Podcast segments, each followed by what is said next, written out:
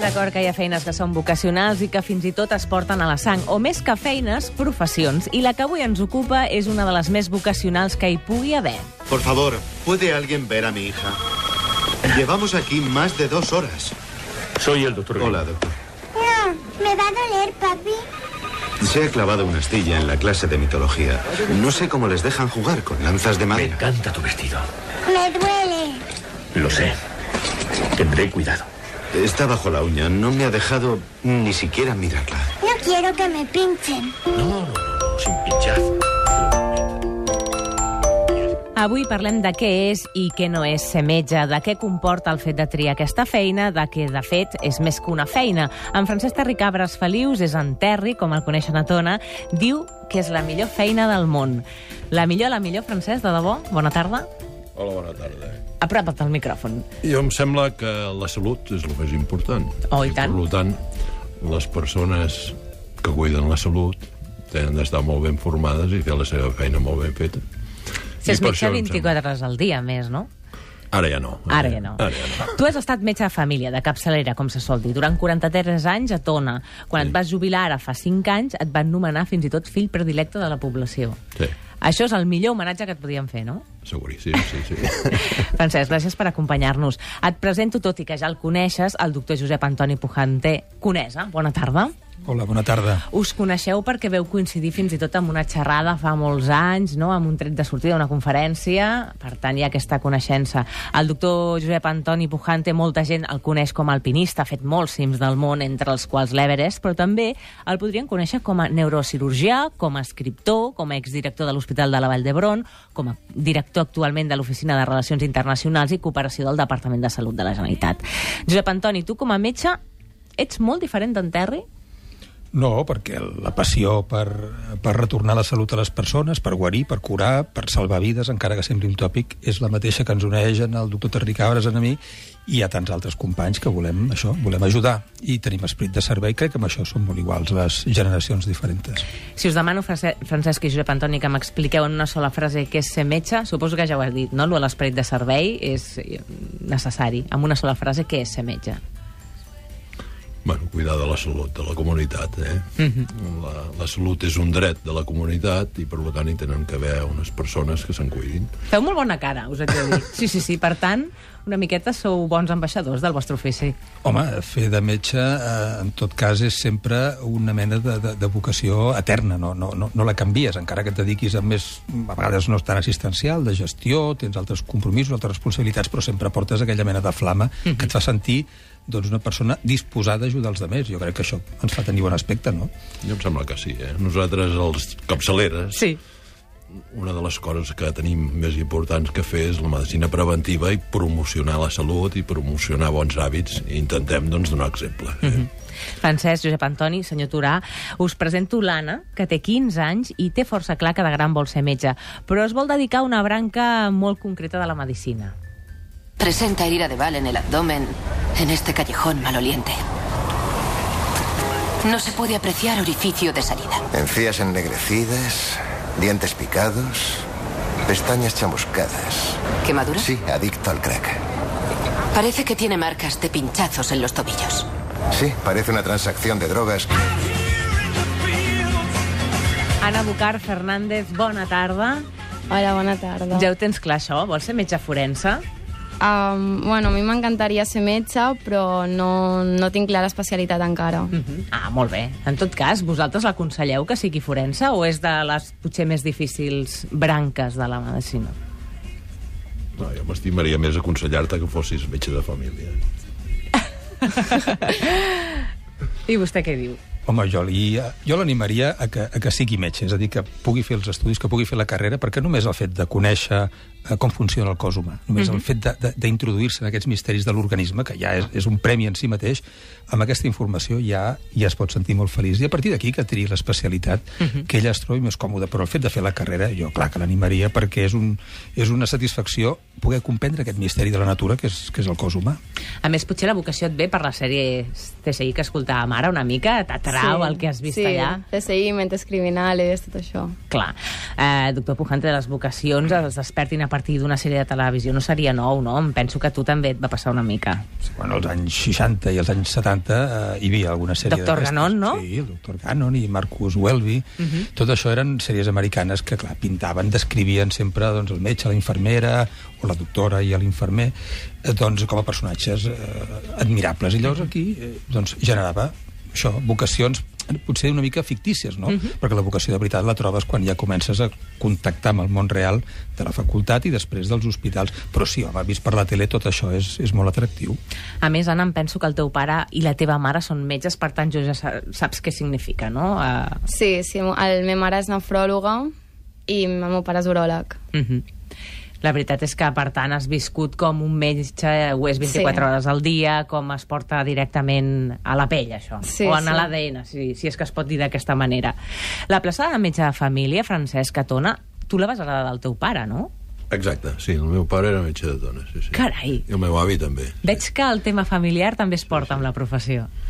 Jo sóc el cinquè, de pare a fill, el cinquè metge, i el meu fill, que és metge, és el sisè. Sí. Mm -hmm. Déu-n'hi-do. Som una nissaga important. No, potser hauríem de canviar el nom a Tona, eh? I posar... Home, escolta, sou ja part de la història de Tona, eh? Tona de terricabra. Eh? Algo així, no, no, no, no m'aixino, ja està. En canvi, a tu, eh, Josep Antoni Pujante, no tens antecedents mèdics a la família, em sembla? No, ni mèdics ni penals, eh? No en tinc antecedents No. en general. No. Eh? Broto així, és sí, com la presentació paraula és espontània. com molt paraulota, eh? Sí, no, no tinc... No, no, a casa no hi havia ningú que fos d'aquest d'aquest, eh, gremi, d'aquest mm -hmm. ofici, i per tant doncs, eh, va ser fruit de les meves primeres experiències eh, laborals, que jo vaig començar a treballar de, de molt jovenet, als 15 o 16 anys, i llavors vaig anar a parar a un, a un ambulatori, abans no es deia centre d'atenció primària, es deia la- l'ambulatori, i allà treballant doncs, eh, amb tants metges i tantes infermeres i doctores i tot el personal sanitari, home, t'acabes donant compte que allò realment és apassionant, no per les sèries de televisió, sinó per la vida real, no? I així es comences, doncs, amb un fonendoscop, llegint llibres de medicina, i mira, Josep Antoni, tu vas començar a fer guàrdies a urgències quan feies a primer de carrera. Treballar a urgències és la part més dura de la medicina? oh, i la més fascinant, Sí. dura i fascinant, sense això jo no em consideraria metge. eh? Jo, si no hagués fet les urgències i veure...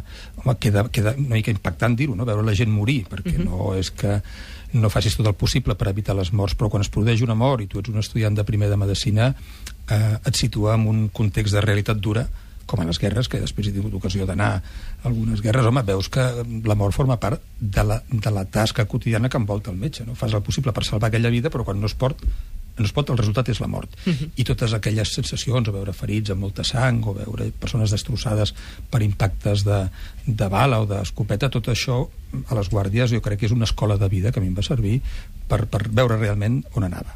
En francès no devien arribar a casos tan extrems com, com sentia mare, però a la consulta d'un metge de família una mica hi passa de tot, sí? Sí, sobretot eh, al començament, quan jo vaig començar a fer de metge al final dels anys 60 i els 70, doncs ho, ho teníem de fer pràcticament tot, sí, sí. Et venien fins i tot a buscar a casa, oi? Sí, sí, esclar, ah. sí, sí, estàvem sempre de guàrdia, jo... Això sí jo que és una estava- guàrdia Permanent, no? permanent. Nosaltres Érem, érem, en fi, de- estàvem de guàrdia dia i nit. Jo mm, pràcticament m'aixecava cada dia a la nit per alguna urgència, pràcticament cada dia. Sí, sí. Mhm. Mm Anna, tu t'imagines treballant a urgències com, com ells dos, una mica? Ja sigui en un poble la- com a metge de família o unes urgències d'aquelles frenètiques? Sí, bueno, sí, pot ser. Et va l'adrenalina, per entendre'ns? Perquè jo veig que per aquí hi ha molta adrenalina. Bueno, podria ser, és que no ho sé, no, jo no ho tinc del tot clar, però no. Mhm. Ja saps, Anna, que la medicina és una carrera llarga, de 6 anys, si tot va bé. De fet, en Josep Antoni diu que és com una mena de sacerdoci, no? Sí. I tu estàs disposada a sacrificar-te tant? 6 anys i... Un... Bueno, jo sóc una persona que no sóc, o sigui, no sóc de notes molt altes, però perquè no em poso molt a estudiar, no sóc molt estudiosa, però si em poso sempre m'ho trec, m'ho Mhm. acabo traient sempre. En la majoria dels casos, ser metge vol dir tractar amb persones i amb persones en circumstàncies delicades. Us demano que escolteu això. Tu ets el Toni, no? Jordi, Jordi, això... collons, Josep, sembla et confons. Mira, jo crec que hauries de passar de dir-nos pel nom i dir-nos com els altres metges. Nano. Hi ha estudis que demostren que dir pel nom és bo per l'usuari. Hm? Ai, l'usuari és el malalt. Sí. Porta'ns una empanada a sobre, Josep. Llavors, no em diguis Josep, m'has de dir doctor Josep. Doncs a partir d'ara, doctor, Josep, vull que em diguis usuari, lleó. No li facis cas al lleó. Usuari, lleó. Usuari, lleó. Sentíem un fragment de la sèrie Polseres Vermelles, molt centrada en el protagonisme dels pacients, on com sentíem en aquest fragment, dels usuaris, no? Francesc, tu als teus pacients també els deies usuaris o els deies pel nom? Pel nom, pel nom. Pel sempre nom, directament, no? Aquí Ni hi ha una usuari cosa ni client. de realitat. Home, i segur que coneixes tots els teus pacients, nom, cognoms, antecedents, sabies situació emocional, context, sentimental, economia, tot plegat, no? Això facilita les coses, suposo. Això és important per tractar bé mm Mhm. -hmm. una persona. Jo sempre he pensat que a Tona coneixia totes les cases, havia estat a totes les cases. Jo no tenia de demanar on era el quarto de bany per rentar-me les mans, ja ho sabia on era, sí, sí. O sigui, el poble el coneixia perfecte. I la gent, molt més, clar.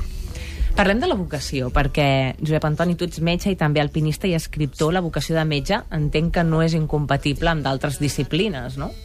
No, perquè des de, des de pràcticament sempre el metge, des de, des de fa segles i segles, sempre ha tingut una, una, una vessant humanística, sigui vinculada a la cultura, a l'art, a la música, és a dir, que un metge no és un, més un metge aïllat Mhm. en el seu context, sinó que té doncs, unes connexions amb altres branques del saber, de la cultura, de la vida social. Jo crec que no, no, no impedeix eh, res el fet de dedicar-se a la vida de metge perquè es poden fer moltes coses. Digueu-me breument, perquè se'ns acaba el temps, què és el millor de ser metge? Comencem per la veterania del doctor Terri Cabres. Sí. Home, la satisfacció que pots tenir quan te'n dones compte que has fet les coses ben fetes, que has pogut ajudar doncs, una persona que té dificultats. Eh? Això poder és el millor. Eh? Mhm. La satisfacció de- de- de- d'haver pogut ajudar amb una persona. Sí, jo en el cas de les urgències a neurocirurgia, que és potser el que més, el que més recordo d'aquells temps, era el, el poder salvar una vida quan t'arribava un malalt ferit d'un accident de moto, de cotxe, amb un cap obert. Home, salvar una vida així és- és una gran satisfacció, també. Jo, jo, jo aquesta, aquesta professió vostra, jo, jo la, hi ha només una cosa que no entenc, i és la lletra. Seria el pitjor de la professió, No fem fins i tot. cal·ligrafia a la universitat. Anna, sisplau, si et dediques eh, finalment a ser metge, fes bona cal·ligrafia. T'ho demanem per les Jo noves del meu generacions. pare tampoc l'entenc. Veus? Francesc Tarricabres Feliu, Josep Antoni Pujante Conesa, Anna Bucar Fernández, gràcies per venir aquí i per la complicitat de posar doncs, les entranyes sobre la taula. Gràcies. A vosaltres. Gràcies a vosaltres. Senyor Turà, ha estat un luxe avui, un dia molt raro. Vostè està més content que mai? Jo me'n vaig de festa major. Sí, se'n va de festa major, ens anem tots a sopar. La veritat és aquesta. Correcte. Demà segurament també farem programa. Serà de 4 a 7 a Catalunya Ràdio. Possible, perquè hi ha aquest equip. Esther Ribas Arbós. Mireia Isar Serrano. Gerard Solà Iniesta. Gemma Safont Tria Jové. Sílvia Creus Ortega. Mariluz García García. Pilar de Pedro Parlorio. Anna Ayala Alcalá. Sílvia Andrés Bruguera. Dani Jiménez Gómez.